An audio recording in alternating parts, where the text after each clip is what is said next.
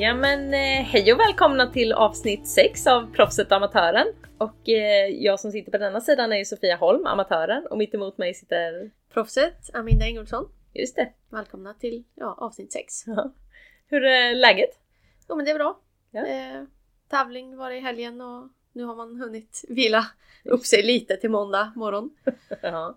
Tar du ledigt i veckan om du har tävlat på Ja, sällan. sällan? Ja, I så fall kanske att man har någon eftermiddag man går lite tidigare eller något. Ja. Om det hinns med. Hur gick det? Ja men eh, det gick bra. Jag hade en eh, häst som jag har bara ridit, rider lite ibland. Som jag första gången tävlade hoppning på. Jag har ridit lite fälttävlan på den innan. Nästa år är väl planen att han ska gå upp en klass. Så då fick vi träna lite på hoppningen eh, nu under vintern. Och då eh, var vi i Helsingborg och red 90 och 1,15. Ja just det, det var lite skumt eh, hopp Ja, där ju. de hade ett litet hopp där och det passade jättebra. För han är väldigt spänd. Och då var det bra att komma in i en 90 först där det var lite lågt och han kunde liksom titta färdigt. Och sen kunde vi gå in och gå en 15 sen. Och jag gjorde faktiskt samma sak med um, HC som var med också. Som inte har tävlat inomhus och har tagit det lite lugnt ett tag. Och då var det också ganska bra för hon kan också vara ganska spänd i början.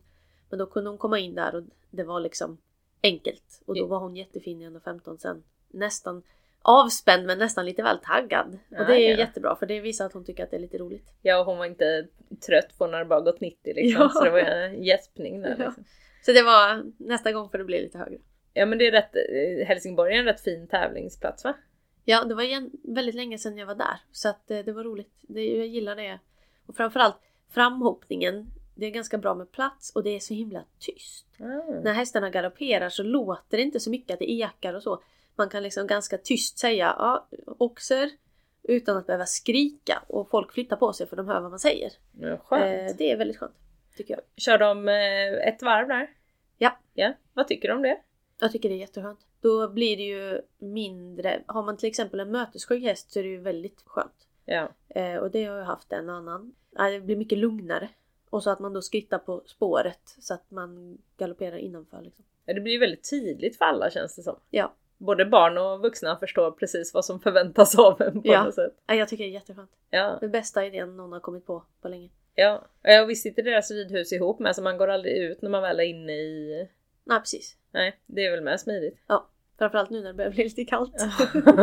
Extra bra. och de har ju lite isolerat och så så det är ganska skönt när man väl kommer in där. Ja just det, de har varma ridhus ju. Ja. Ja. Det är bra vintertävlingsridhus. Passa på att åka till Helsingborg.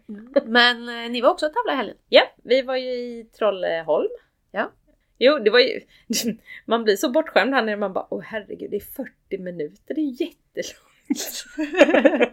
Nu, har, nu är du skåning på riktigt. ja, 100 procent. Eh, och det gick väl bra, det gick bra. Molly och Ponny var jätteduktiga. Eh, Den här hjärnan eh, som ska styra allting var mindre duktig. Du är lite ringrostig kanske? Ah, jag vet inte vad det är, jag är nog bara trött. Ja, ja. trött i huvudet. Jag lyckades ju både hon dubbelnollar Lettén. Ja. Sen eh, Letzén nollade hon grunden. Eller rättare sagt, jag stod när hon red över startlinjen innan hon väl liksom startade. Ah, ja. Och bara åh nej shit nu blir hon utesluten. Men så fortsatte, eller fick hon lov att fortsätta rida så hon red ju då runt, hoppade ettan och så red felfritt banan och skulle börja rida omhoppningen men då blåste de av. Ja, då hade hon fått ett stopp då eller? Ja. Ja.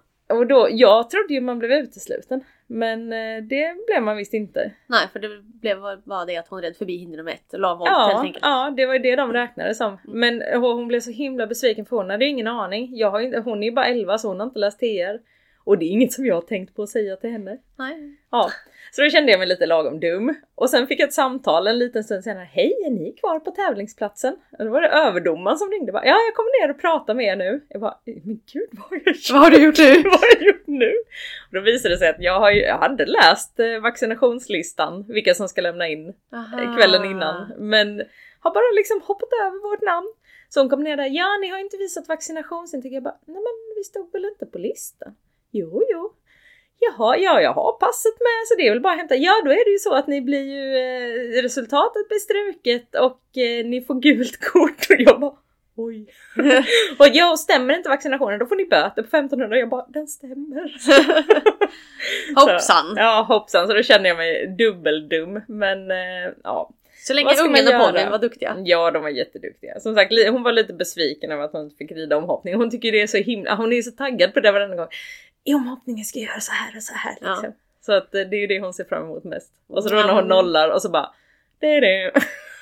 Ja, nej men det är mycket man ska lära sig alltså. Ja, verkligen. Och det är mycket, det där är ju sånt som man, man själv, man tänker ju inte på att man vet det. Nej. Det var För, förrän det händer och man bara händer ja. Nej, så Just där kan du inte det. göra. Nej, det har precis. jag glömt att berätta. Ja, och då var hon dessutom så duktig för hon jag, hon, hon har en viss tendens att bara så här, ja men hon fattar galopp och så rider hon direkt och hoppar. Så jag har ju sagt väldigt mycket, rid nu fram ordentligt så att du liksom galopperar innan första hindret. Så, så hon gjorde ju bara vad jag hade sagt Ja, hon, hon liksom. gjorde som hon skulle och så blev det så fel. ja. ja, så är det. Men eh, nya tag eh, nästa gång. Ja. Nej, nej men en lär- lärdom rikare, eller två kanske då. Ja, eller nu, vi får gå och skaffa en ny hjärna helt enkelt. Det är ju lite den årstiden nu att man börjar bli lite, det börjar bli mörkt och man börjar bli lite seg. Man går in i det liksom. Ja. Eh, ja, vi hade lite, vi funderade ju på, vi pratade en del om utrustning i slutet på förra avsnittet. Just det. Och så pratade vi inte riktigt om varför du valde vad du valde, till exempel med bett och med martingall och sånt. Kan vi inte gå in lite djupare på det? Ja, eh, jag har ju till exempel det här med martingall. Jag har ju plockat av martingallen på alla mina hästar. Och eh, dels för att ja, men jag har testat att rida utan och det har funkat bra. Och ju mindre ju bättre. Och jag har gärna inte en rem mellan frambenen. För jag har sett lite för många som har fastnat med ett ben i martingallen. Eller bröstan. Det, då har jag hellre utan martingall än med en martingall jag inte behöver. Sen har jag några hästar som kanske egentligen hade kunnat gå med martingall. Som kanske ibland hade behövt det. Men jag tycker att jag får en bättre kontakt med bettet om jag inte har martingallen som bryter tygen på mitten liksom. Mm. Det blir lite Ehm. mer direkt kontakt liksom. Ja, och då bryr inte jag mig så mycket om att huvudet kommer upp lite grann. Eh, och ofta, det har jag märkt mycket, mina elever till exempel som har, ja då har de satt på en martingall bara för att. Och sen kanske de har en häst som drar ner huvudet. Och då behöver de kanske få upp huvudet. Till exempel dra ner huvudet och bockar. Men en häst som har huvudet lite högre har ju lite svårt att typ sparka bakut och bocka. Och då är det, ja men försök dra upp huvudet. Och så går Och så inte går inte det för martingallen tar emot. Mm. Eh, Så då har vi försökt plocka av martingallen på ganska många och det har blivit mycket bättre. Mm. Så att jag har oftare att jag plockar av martingallen än att jag sätter dit en martingall om man säger så. Och jag tycker att det funkar väldigt bra. Mm. Det är jättespännande. Och jag har gjort detta på ganska många elever nu. Och det är samma sak med till exempel bakbensskydd. Eh, många kommer och så tänker man, ja men eh, terräng, då måste vi ha terrängskydd fram och bak. Och så kommer de till träningen och så hoppar de och så har hästen en jättebra bakbensteknik. Och nästan står på näsan eller landar. Och jag bara, brukar ni ha bakskydd i hoppningen också? Nej, nej. Alltså Vi då är de inte van. Nej! Och så har de ganska bra bakbensteknik och då är jag så här, men ska vi inte prova att ta av bakskydden då? Och sen börjar den hoppa normalt. Ja, för det blir nästan för jobbigt då om den ska hoppa så hela tiden. Ja, Ja. och också, ja men i terrängen kan det ju vara lite mer ojämnt underlag i landningen och så. Är de då Du har inte lite... tid att ha den obalansen Nej. där liksom. Och blir det då att de skulle råka snubbla så går de ju på näsan. Liksom. Mm. Så att eh, där har jag plockat också bort ganska mycket bakskydd. Eh, sen kan man ju sätta på då, ja men säg då att man har låga bakskydd i hoppningen. Ja men ha det i terrängen också då. Ja. I alla fall i de lägre klasserna. Är det så att det är någon som slår sig då får man ju fundera på vad man kan ha. Ja. Eh, och det finns ju olika höjder och sånt också. Eh, jag har ju några sådana mellanhöga skydd som jag har köpt på Högs. Mm. Det är ju inte terrängskydd egentligen men de skyddar ju lite mot skrapsår och om hästen slår sig själv lite och så. Ehm, och det är ju kanske bättre om hästen trivs bättre med det än med ett ballong. Ja för där, jag har ju, eh, min grundtanke är ju alltid ja men det är klart du måste ha dem med hård platta fram till liksom på bakbenskydden och... Ja, Men och det är då- klart när du säger det, det kanske Nej. inte alls behövs. Nej och där får man ju också se, ja men om hästen inte trivs med det, då får du hitta något annat. Ja ja. Sen de flesta bryr sig ju inte så mycket. Vad, tänker du med brösta? Märker du någon skillnad? För jag tänker martingallen stör ju kanske inte hopptekniken. Men bröstan Liksom, märker du någon skillnad när du har det eller inte har det? Liksom, att de skulle bli bogfriare eller? Jag har ju en häst som går med brösta. Mm. Eh, och det är ju för att sadeln inte ska åka bak i terrängen. Det har ju lite, en vältrimmad fälthamrashäst kan ju vara lite konformad så att sadeln gärna vill halka bak lite. Och då har jag testat lite så här och funderat på känslan med och utan.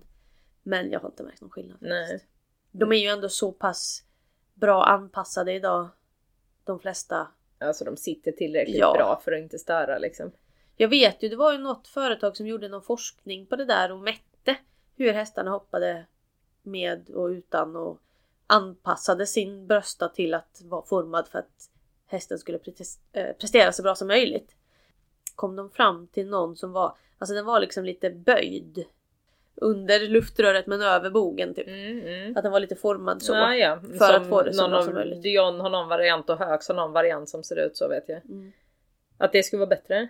Ja, de har ju då gjort någon sorts forskning på detta och försökt komma fram till hur den borde se ut. För att vara så bra som möjligt.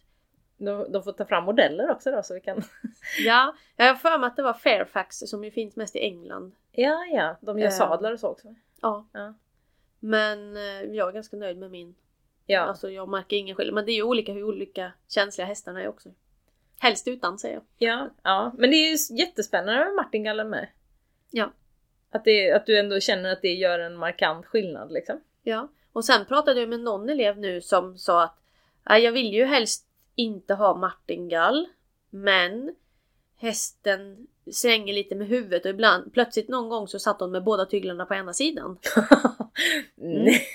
Och då kan man ju ha en sån här irländsk martingall som bara är du liksom under hakan så Ja, har just du det. en ring Mm. på ena tygen och sen rem över och sen ring på andra tygen. Ja, för då är den inte nedåttryckande alls utan bara en säkerhet liksom. Ja, bara för att inte, det måste man ju till exempel ha i galopp. Ja, ja. Eller, eller en sån eh, resår. Fast det blir också tryck. Mm. För det finns ju de som är typ elastiska liksom. Ja, ja. Gör det någon skillnad om den är Nej det gör eller det inte? kanske inte. Nej. Men vad hette de? Irländsk martingall? Ja. Eller ja. Ja, för mig det. ja. Och det, jag hade inte vetat om de fanns, att de fanns om inte det vore för att jag red någon sån här träningslopp på Jägersro för hundra år sedan. ah, ja. Och då var det så här, du måste ha följande utrustning. Någon sorts martingall, eh, vanlig eller irländsk. Är det då för att tyglarna inte ska Ja, kunna slängas jag över? fattar det som det. Och man var tvungen att ha eh, glasögon av något slag. Ja. Det är bra. Och så väst och hjälm och sånt då. Ja. Men eh, det var liksom de grejerna jag var okej det måste jag Måste Skaffa. skaffa ja. Spännande. Mm.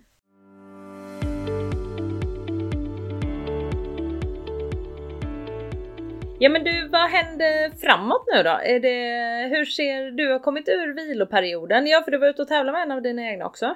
Ja, nu har vi börjat gå in lite här i träningsperiod. Då får man ju lite fundera på vad man, ja, vad de olika hästarna behöver göra. Dels, det pratade vi om innan i något avsnitt här, vad de olika hästarna behöver göra. Men det här att faktiskt få in, göra en plan. När ska jag göra saker? Hur ska jag göra saker? Hur ska jag hinna med att göra alltihopa? Att man kan... Jag brukar tänka att en vecka, du hinner inte göra så mycket på sju dagar. Men om du istället planerar för tio dagar, då hinner du ofta med alla de grejerna du vill göra. Så att om du gör tio dagars planering så är det mycket lättare. Ah, hur kan en 10 dagars planering se ut ungefär? Eh, jo men eh, man kanske vill hoppa en dag, bommar en dag, dressyr två, tre dagar kanske. Lite beroende på vad hästen behöver. Uteritt två, tre dagar.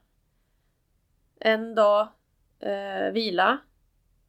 En dag kanske skritta ut eller någon dag konditionspass. Som sagt, lite olika för olika hästar. Någon dag kanske också är någon tävling och då får man byta ut det mot något annat. Kanske att du byter ut bompasset mot en hopptävling. Eller hopppasset mot en hopptävling beroende på hur, om du har samma sak nästa vecka igen eller hur det ser ut. Nackdelen är ju det här att träningar och tävlingar kommer ju ofta med sju dagars intervall. Mm. Men om du har då en planering på 10 så är det lite svårare att göra det regelbundet liksom. Men det brukar vara lite lättare om du sätter dig ner och gör ett papper med liksom att jag måste hinna med de här grejerna så brukar du få plats på 10 dagar men inte på 7. Ja precis. Speciellt inte om det är tävling tänker jag för då ska det kanske också någon vilodag extra kanske eller ja. Ja, Eller? precis. Hur gör du med det? Brukar du vila? Ja det är säkert olika på olika hästar men vissa har ju sådär att man vilar dagen innan, vissa dagen efter, vissa... Har du någon sån liksom som du gör lite mer? Eh, ja, väldigt olika. Ofta brukar jag låta dem jobba lite lätt dagen efter. Skritta ut, kanske trava lite grann så att de blir av med lite mjölksyra och så om de nu har jobbat hårt. Än så länge så har ju inte eh, hästarna liksom... I början är det ju inte så att de tävlar så svåra klasser så då behöver man kanske inte vila så mycket. Nej för den sakens skull. Nej. Liksom. Och det är lite, det där brukar jag göra med mina elever ibland när vi har hopptränat. Så frågar jag, hur många språng har vi tagit idag? Mhm. Mm. Den är lite bra att fundera på. Och om du är på en tävling, hur många språng tar du på en tävlingsdag? Det är ju ofta inte så många. Nej, säg att du hoppar en bana på 10 hinder. Ja. Och så hur många hinder hoppar man på framridningen? Nej, inte jättemånga. Eller jag gör det inte i alla fall. Nej. Och inte Molly heller då eftersom hon gör som jag säger. ja men säg att du kanske hoppar tre gånger på varje hinder. ja. Beroende på hur högt det är. Ja, ja. Sex gånger, Ja. det är 16 språng. Och säg då att du rider två klasser så har du 32 språng. ja. Eh, hur många rider du på en träning? Ja, hur många rider man på en träning? Jag har ingen aning. Ja, det kan du tänka på nästa Ja, gång ni är på ja. hoppträning. Hur många gånger ni faktiskt Men det hoppar. är nog väldigt många språng tänker jag. Speciellt om man börjar med lite gymnastikhoppning och så gör man lite det och sen hoppar man en bana och så gör man om det och så... Ja, och där, nu senast så hade jag förra veckan en eh, så här gymnastikhoppning med, som är lite terränginspirerad. Och då har man ju till exempel en studs, tre galoppsprång, Mm. eller tre språng. Språng. Och sen eh, vände vi snett igenom och hoppade två eh, räcken som stod lite snett. Ja, två språng där. Och sen hade vi en kombination med smalhinder, två språng till. Mm. Då har du bara ridit liksom, En runda. ja, eh, Nio en språng. snett igenom. Eh, fyra, fem, sex, sju språng bara där. Bra min huvudräkning var det.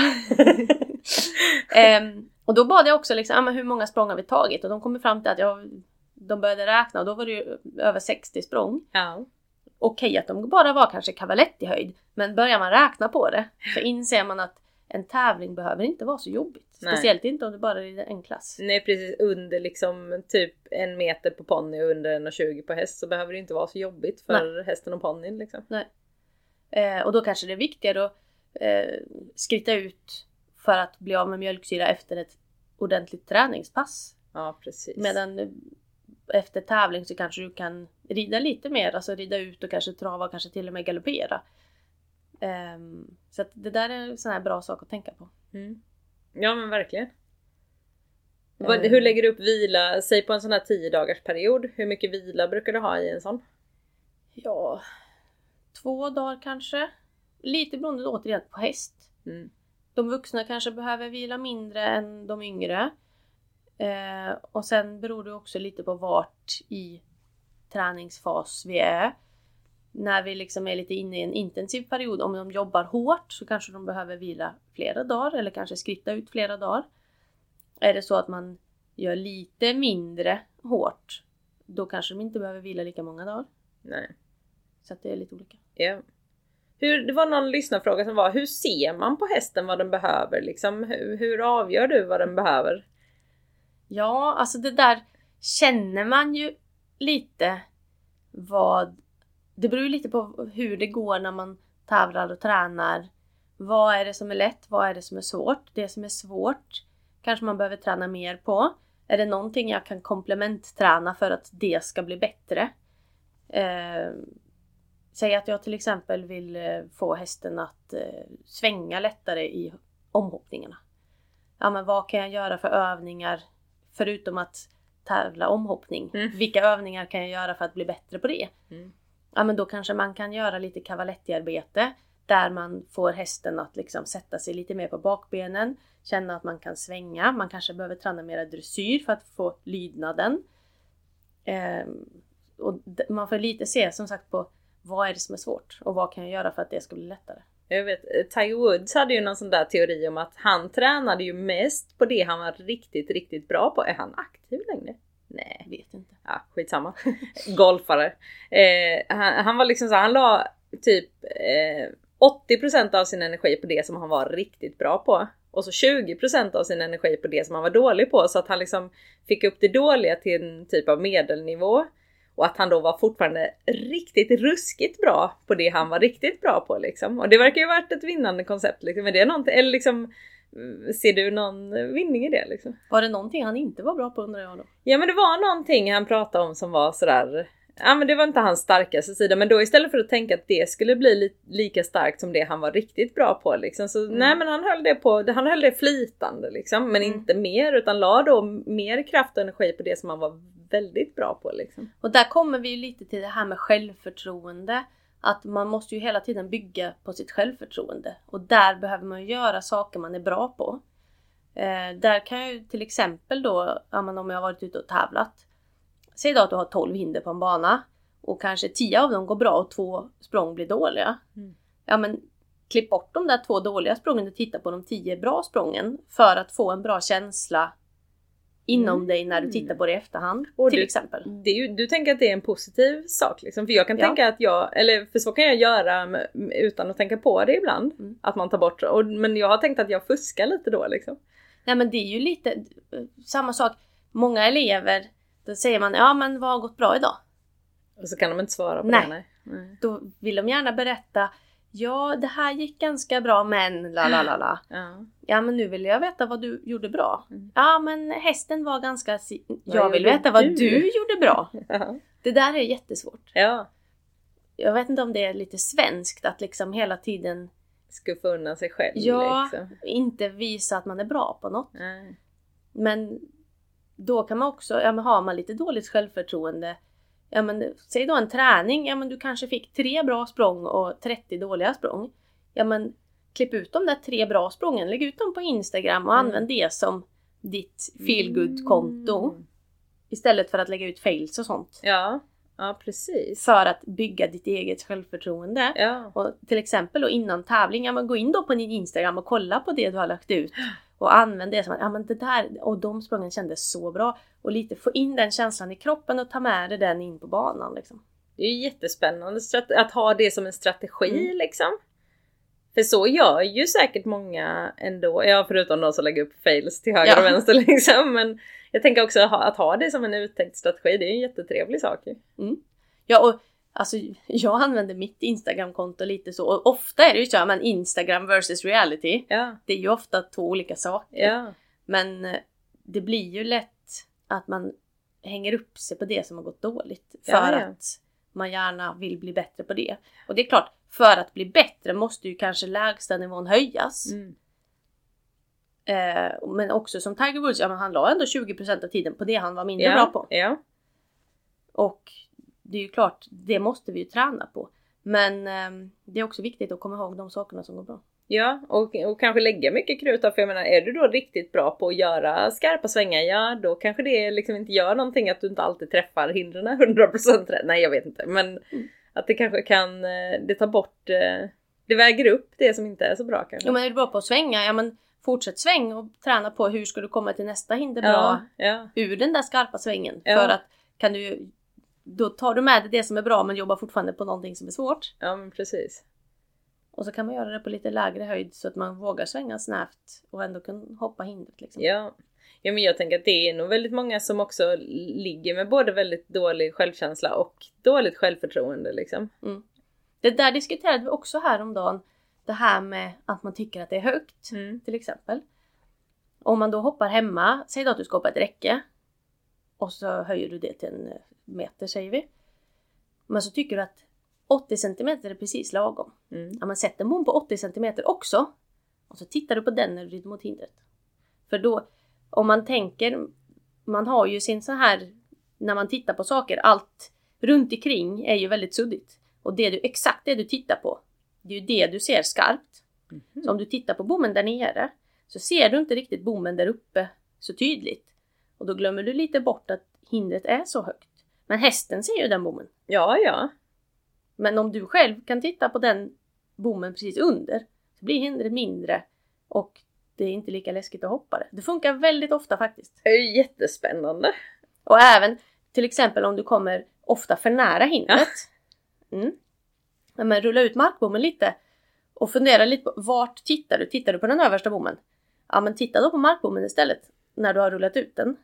Ofta kommer du då bättre på hindret då. Jo fast du hjälpte mig med det någon gång med det. För mig räckte det att bara tänka att jag tittar. Eller liksom att jag behövde inte ens ha bommen innan Nej. eller efter. Liksom. På någon häst hade jag så, så att jag hela tiden kom för nära. Liksom. Mm. Och då tittade jag framför bommen som låg. Liksom. Mm. Mest bara på bomma på marken. Det är ju min akilleshäl. Mm. Helt värdelös på det. Eh, Men det var ju jättenyttigt och likadant på någon annan så kom jag hela tiden lite långt ifrån och då tittar jag bakom bommen istället. Liksom. Alltså, Ja, man kan göra väldigt mycket med blicken och man kan också försöka tänka här är avsprångspunkten. Där ska hästen hoppa av. Ja men titta på den punkten då. mm. Istället för att titta på hindret liksom. Mm. Och där, det var någon som hade gjort någon övning som hade lagt en femkrona på marken och sagt Nu ska hästen sätta hoven på den fem gånger i rad när jag rider förbi. Och då tränar man ju återigen precision. Kanske Ja. något större än en femkrona. Någonting man kanske Ja, ser lite ja, bättre. Som inte bäddas ner i Ja. spånet liksom.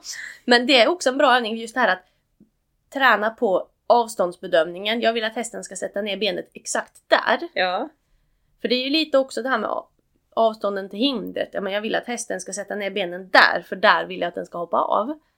Att man faktiskt tränar på att man behöver inte ens ha en bom. nej nej. Jag Men- Men... känner mig helt fascinerad. Jag tänker bara hur fan, jag tror inte jag hade kunnat, ja, mm, ja det hade man kanske. Ja, men man tränar ju reglerbarheten då, Ja, liksom. ja och såklart. precision. Ja. Spännande, jag måste prova. Mm. Jag har ingen häst att prova på just nu. Du får låna Mollys ponny. Får låna ponnyn. Ja men just det här också, det kan man också säga till eh, sina barn liksom. Ja men du kanske, ja men varje gång du sätter benet på eh, Så får du en femkrona. Så får du en femkrona, precis! Det kan bli en dyr ridlektion eller en dyr, ett dyrt ridpass. Ja. Men oj vad bra träning. träning det blir! Ja, jätteroligt ju. Ja och nu är jag ändå inne på övningar. Ja, just det. Mm. Mm. Så hade vi en bra övning här som jag, vi pratade om innan. Ehm, också lite eh, precision och lydnad. Om du har eh, en bom mitt på långsidan. Ja. Kan göras i alla gångarter så passar alla nivåer. Vi kan till exempel om vi tar den i skritt eller trav. Mm. Kliva över bommen. Mm. Eh, flytta skänkelvikning in till medellinjen. Ja. Rid fram till kortsidan. Beroende på hur långt det nu, Ja. nu gick. Vänd tillbaka till bommen. Över bommen, samma sak igen. Skänkelvikning in till medellinjen. Tillbaka över bommen. ja, precis. Som en eh, rosett nästan. Mm. Att det blir lite liksom en, en liten sned åtta där. Ja. Eh, och den kan du göra i skritt och i trav. Och är det så att du inte kan göra skänkelvikning så kan du ju bara svänga liksom. Men eh, bra sätt att träna lydnad efter hindret. Eh, har du en häst som till exempel springer efter hindret. Ja men gör den i trav. Börja flytta skänkelvikning.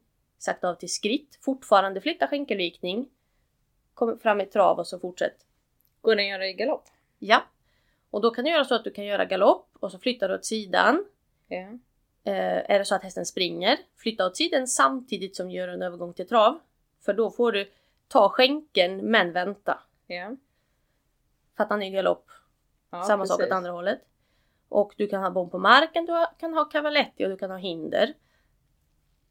Och det svåraste är ju då du ho- hoppar ditt hinder, flytta, sluta in till medellinjen, rätta ut, byte, kom tillbaka, Ja, samma sak åt precis. andra Som man är hållet. lite mer välutbildad liksom. Ja. Ja.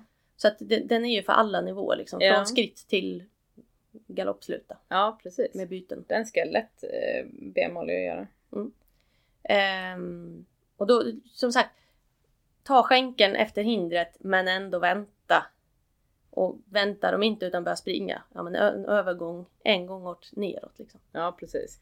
Så den är ganska bra och kräver inte så mycket hindermaterial heller. precis. Ännu bättre. Mhm. Smidigt nu när det blött och regnigt och det ska gå fort. Liksom. Eh, ja. Ja men den får vi, den får vi lägga upp en, eh, en film på. Ja. Så att man kan se ordentligt. Mm. Hur man gör. För jag tänker att det inte alltid är så lätt när man förklarar. Även om det här var ju inte så mycket hinder på olika ställen så att... eh, Nej precis. En, en mitt på långsidan En bara. mitt på långsidan.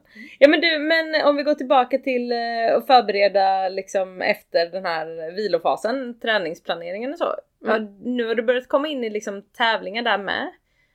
Ja, tävlingarna, hopp och dressyrtävlingarna är ju en liten del av min träning. Ja, precis. Allt, för mig är ju allt förberedelse för fälttävlanssäsongen. Just det.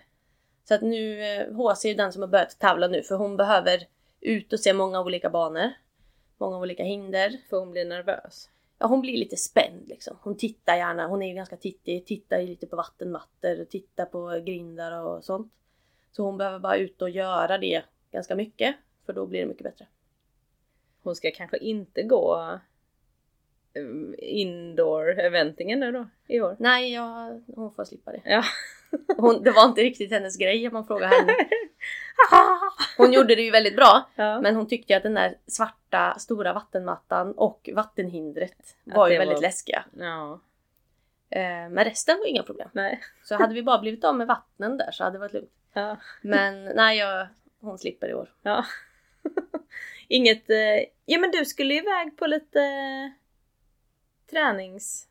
Ja, eh, på fredag ska vi ju åka till eh, det. med eh, SOK. Ligger på Fuerteventura.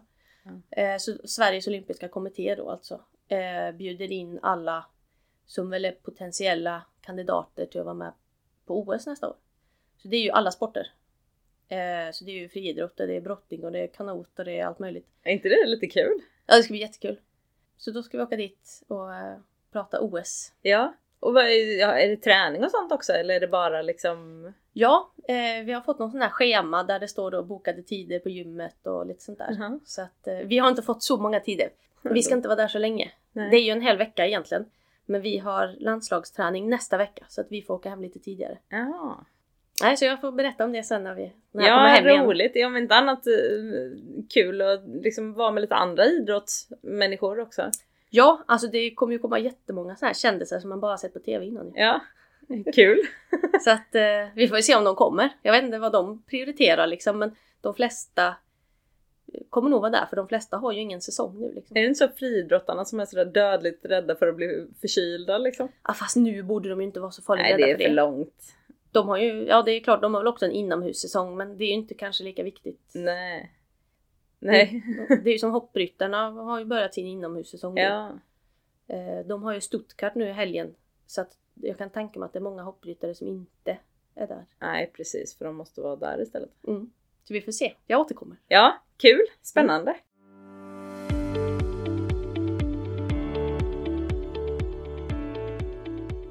Men du, med tanke på mina blundrar här nu. Eh, för den lite mer tävlingsoerfarna, den som inte bara tappat huvudet utan eh, som faktiskt eh, inte har stenkoll liksom. Vad, hur lägger du upp en eh, tävlingsdag? Säg att du ska ut på hopptävling. Hur lägger du upp? Ja, kanske dagen innan också. Eh, Ja, återigen beroende på vilken häst. Ja. Och då är det också, vad behöver min häst egentligen? Eh, vissa hästar kanske behöver rida bommar dagen innan. Någon häst kanske behöver vila. Någon häst kanske behöver gå dressyr. Någon häst kanske bara ska skitta ut en sväng. Och där får man ju prova sig fram. Mm. Har man en tittig häst så kan det ju vara en bra idé att rida bommar dagen innan.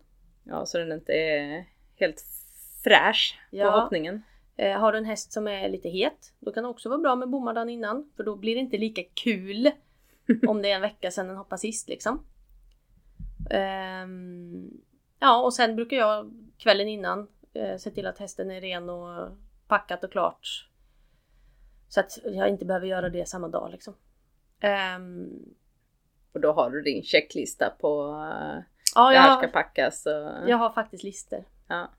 Så att jag inte ska glömma något. Ja. Nu är ju de i och för sig för det mesta anpassade till fälttävlan men då brukar jag gå igenom listan. Så bara, ah, jag behöver ingen terrängskydd, jag behöver ingen terrängklocka. Alltså sådana grejer. Ja. Men eh, nej, så det brukar jag göra dagen innan. Och sen samma dag, då är det också lite det här, när behöver vi åka?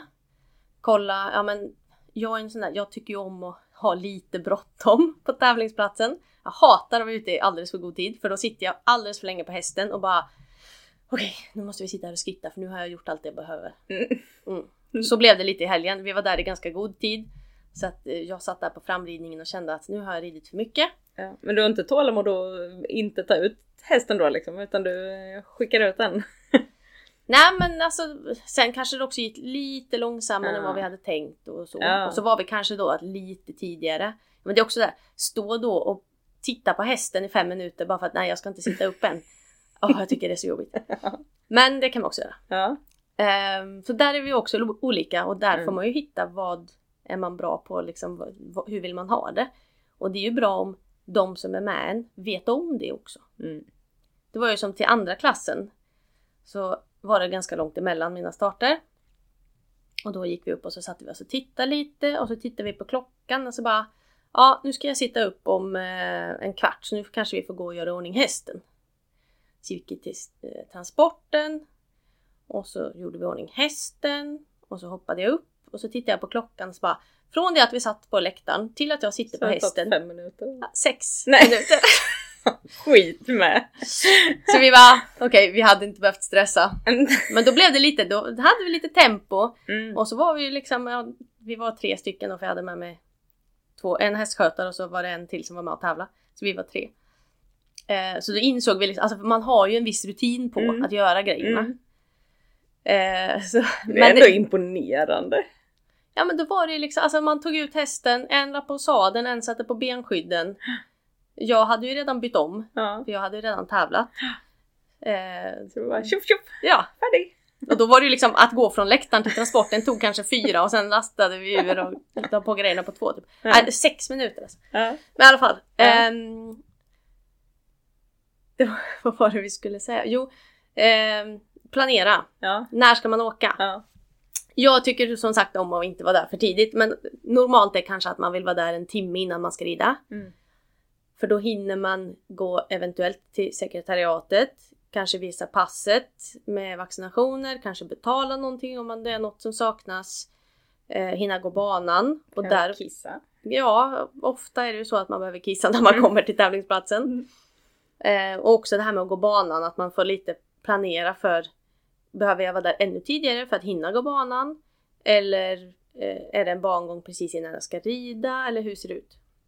Ehm, nej, så vi gjorde så att vi gick banan Måste jag tänka här.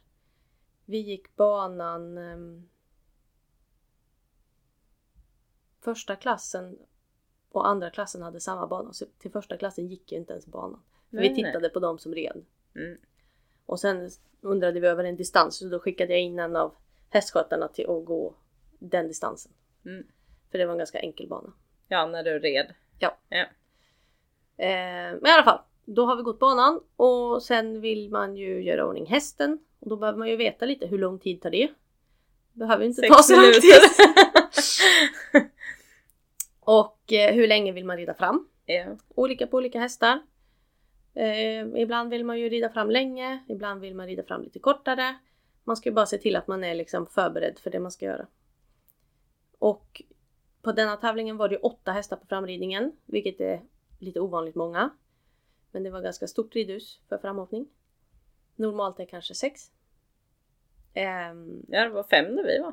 Det var väldigt få. ja, det var nästan lite jobbigt på andra hållet. Mm. Och där får man ju också se, ja men rider man sent i klassen då kanske man istället för att sätta en tid när man ska sitta upp så kanske man sätter antal ekipage innan. Mm. För då vet du kanske att ja, men jag har sex ekipage på mig inne på framhoppningen. Då vill jag ha värmt upp i alla gångarter innan. Eller gjort någonting innan det. Ehm, så då får man ju kanske räkna baklänges på det istället. Mm. Rider man tidigt så kanske man har en starttid för klassen istället. Ja men precis. Jag märker ju på nu när vi är ute på ponnytävlingar att jag tycker det är rätt svårt att beräkna för att då är det ju prisutdelning mellan varje kategori. Mm. Det är ju lite drygt alltså. Mm. Får man gå banan då också? Ja, om, men det är ju inte alltid det blir så då vet man inte heller för går någon banan då tar det längre tid. Går någon inte banan så tar det kortare tid. Mm. Och sådär så det är lite, och här, i den vi var på nu då hade de också kupper i liksom två klasser var en kupp liksom. Så då hade de även prisutdelning för det. Så det var liksom så här, det var mycket som var lite oklart. Man visste inte, tar det fem minuter eller tar det en kvart liksom. Mm. Och det är ju rätt stor skillnad. Hon startade tidigt i bägge klasserna. Mm. Eh, och då, det blir lite bökigt liksom. Mm. Eh, ja, jag tycker, jag tycker att räkna ut tider och så, det tar mig extremt mycket energi. Ja. Jag måste tänka efter väldigt noggrant, räkna baklänges och liksom sådär. Vi är ofta alldeles för tidiga bara för att jag är ju lite tidsoptimist överlag och det pallar jag inte vara på tävling. Nej. Så då tar jag i för mycket istället.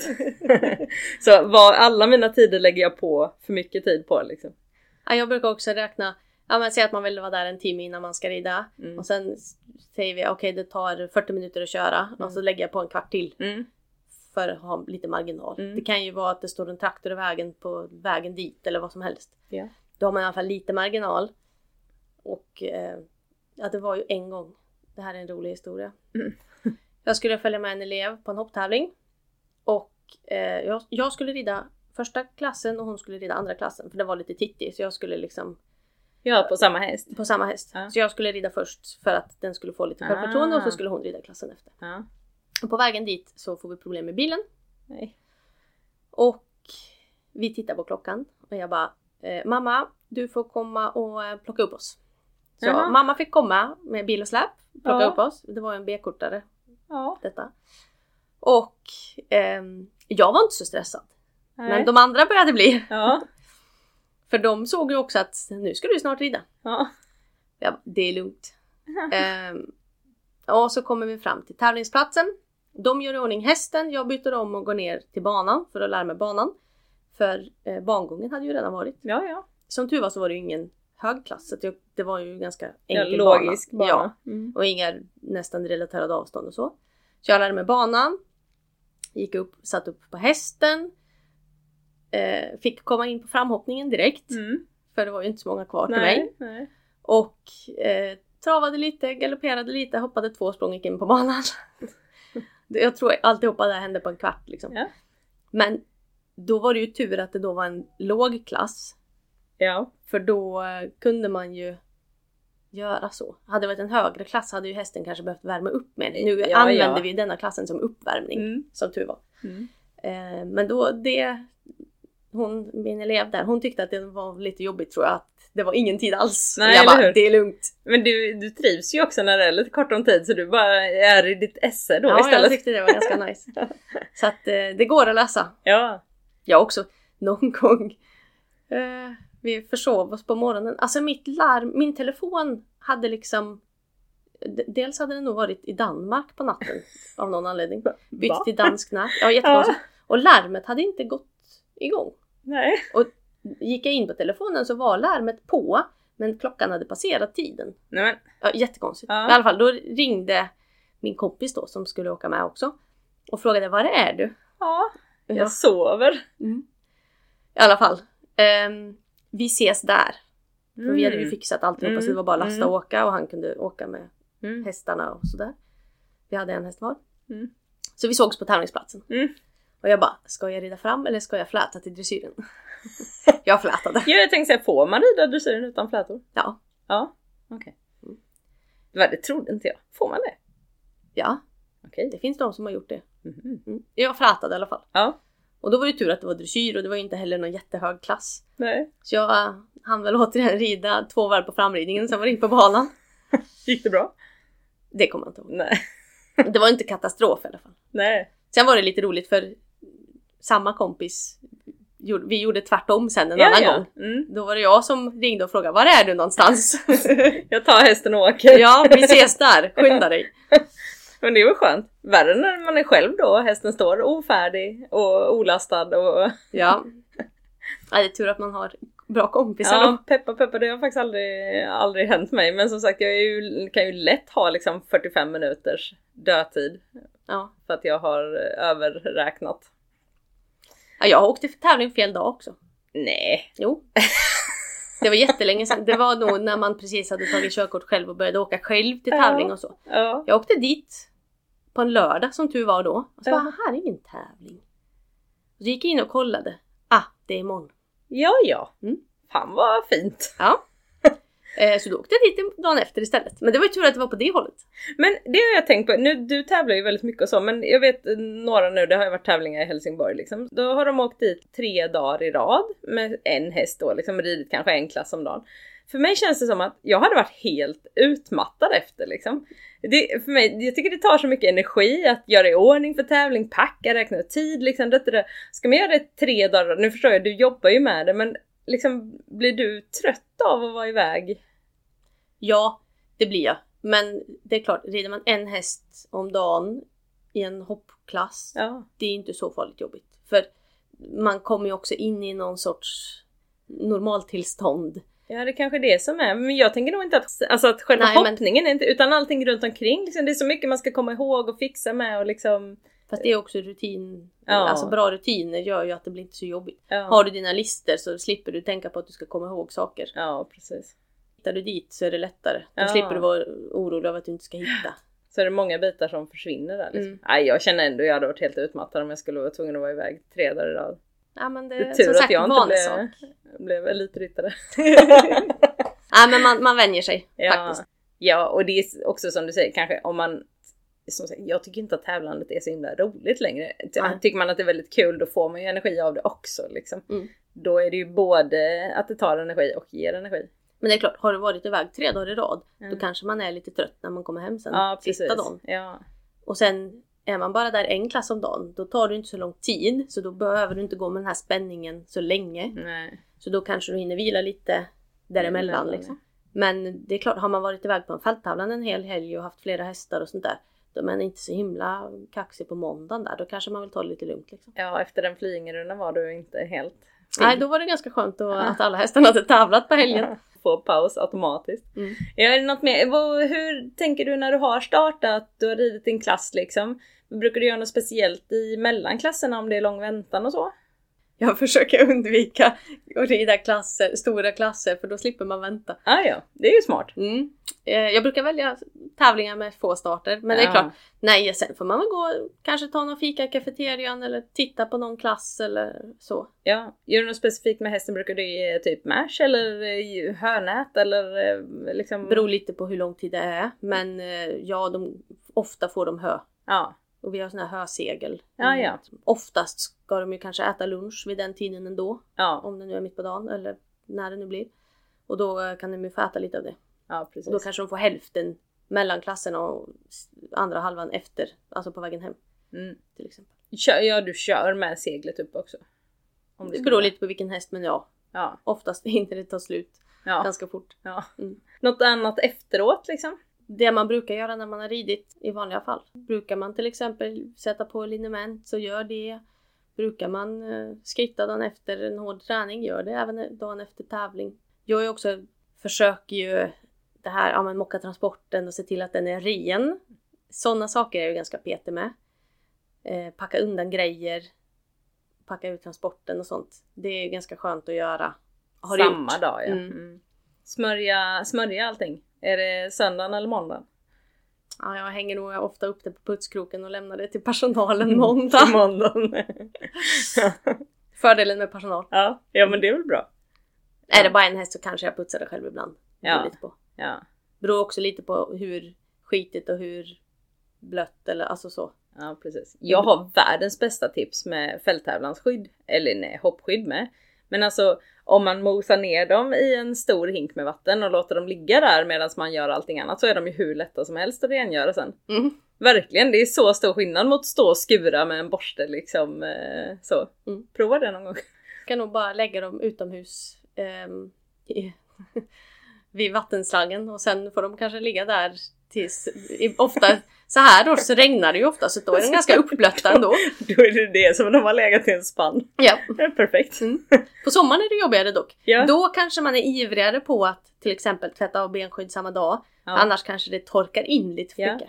Men eh, tips, alltså Mm. mula ner dem i en stor hink med vatten och låt dem ligga medan du gör resten. Det gör all skillnad. Mm. Sen är det bara att hosa av dem så blir de som nya. Och det är ju som också om man har om det har regnat mycket. Samma dag oljar in tränset till exempel ordentligt. För då nästa dag så kan du putsa det som vanligt. Har du inte gjort något och bara hängt in det för att torka så dagen efter är det ju stelt som Mm. den. Mm. Eh, så det är också, även fast det inte är torrt, att bara ha på olja. Det är bra om man har en sån här olja, alltså inte fett som lägger sig utanpå för då kommer det aldrig torka utan olja som lite tränger in för då Mm. hjälper det till liksom att hålla det mjukt Ja, under tiden det torkar. ja.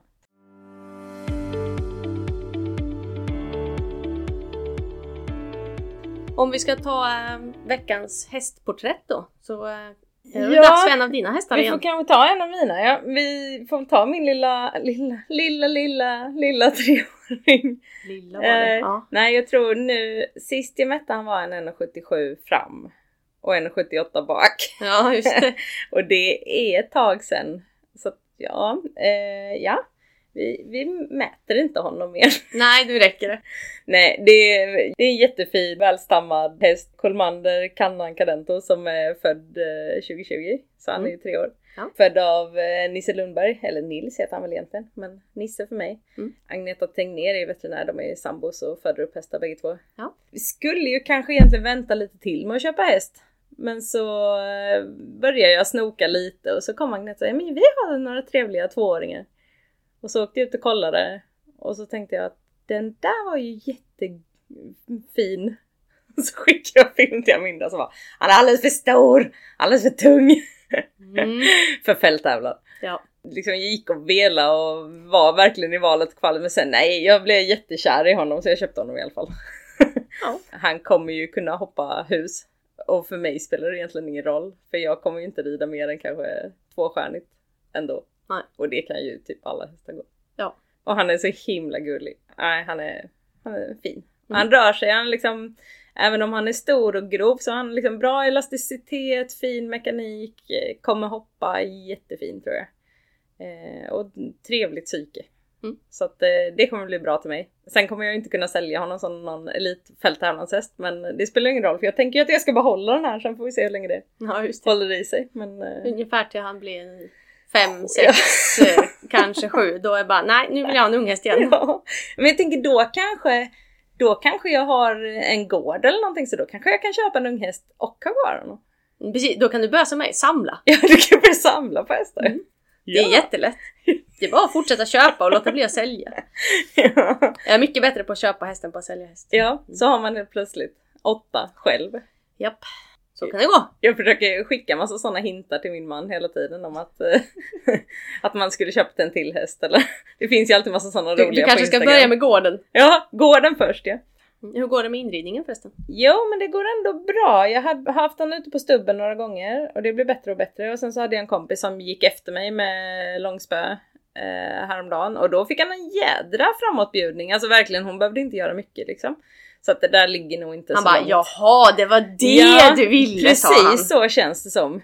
Vad ska man säga, när jag jobbar honom från marken så är jag ju mycket mer så här är det funkar, det är det här vi gör liksom. Mm. Och när jag kommer upp på ryggen då är jag mycket mer frågande hela tiden liksom. Mm. Kan du tänka dig? Kan du tänka dig? Så där ska jag nog bara liksom ändra lite inställning liksom. Mm. Eh, och så ska jag nog ha honom på marken en del. För då jäklar är det travar han på. Mm. Så att eh, det blir nog bra. Ja, det gäller bara att få dem att fatta vad de ska göra. Ja.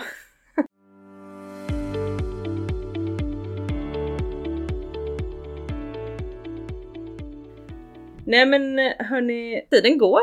Ja, får börja runda av det här avsnittet också. Men vi kan berätta att numera finns vi även på TikTok. Just det. Så följ oss gärna på TikTok också. Ja, och det blir ju proffset och amatören där också. Ja. Så nu är det bara TikTok, Instagram och eh, våran eh, mail, Gmail. Så eh, skicka gärna och eh, berätta vad ni tycker och vad ni vill att vi ska prata om. Ja, och eh, även om ni har några åsikter eller tycker att någonting är bra eller dåligt. Vi hör jättegärna vad ni har att säga om alltihopa. Ja, så det var väl allt för idag. Ja. På återseende. Ja, vi hörs. Hej då! Hej då!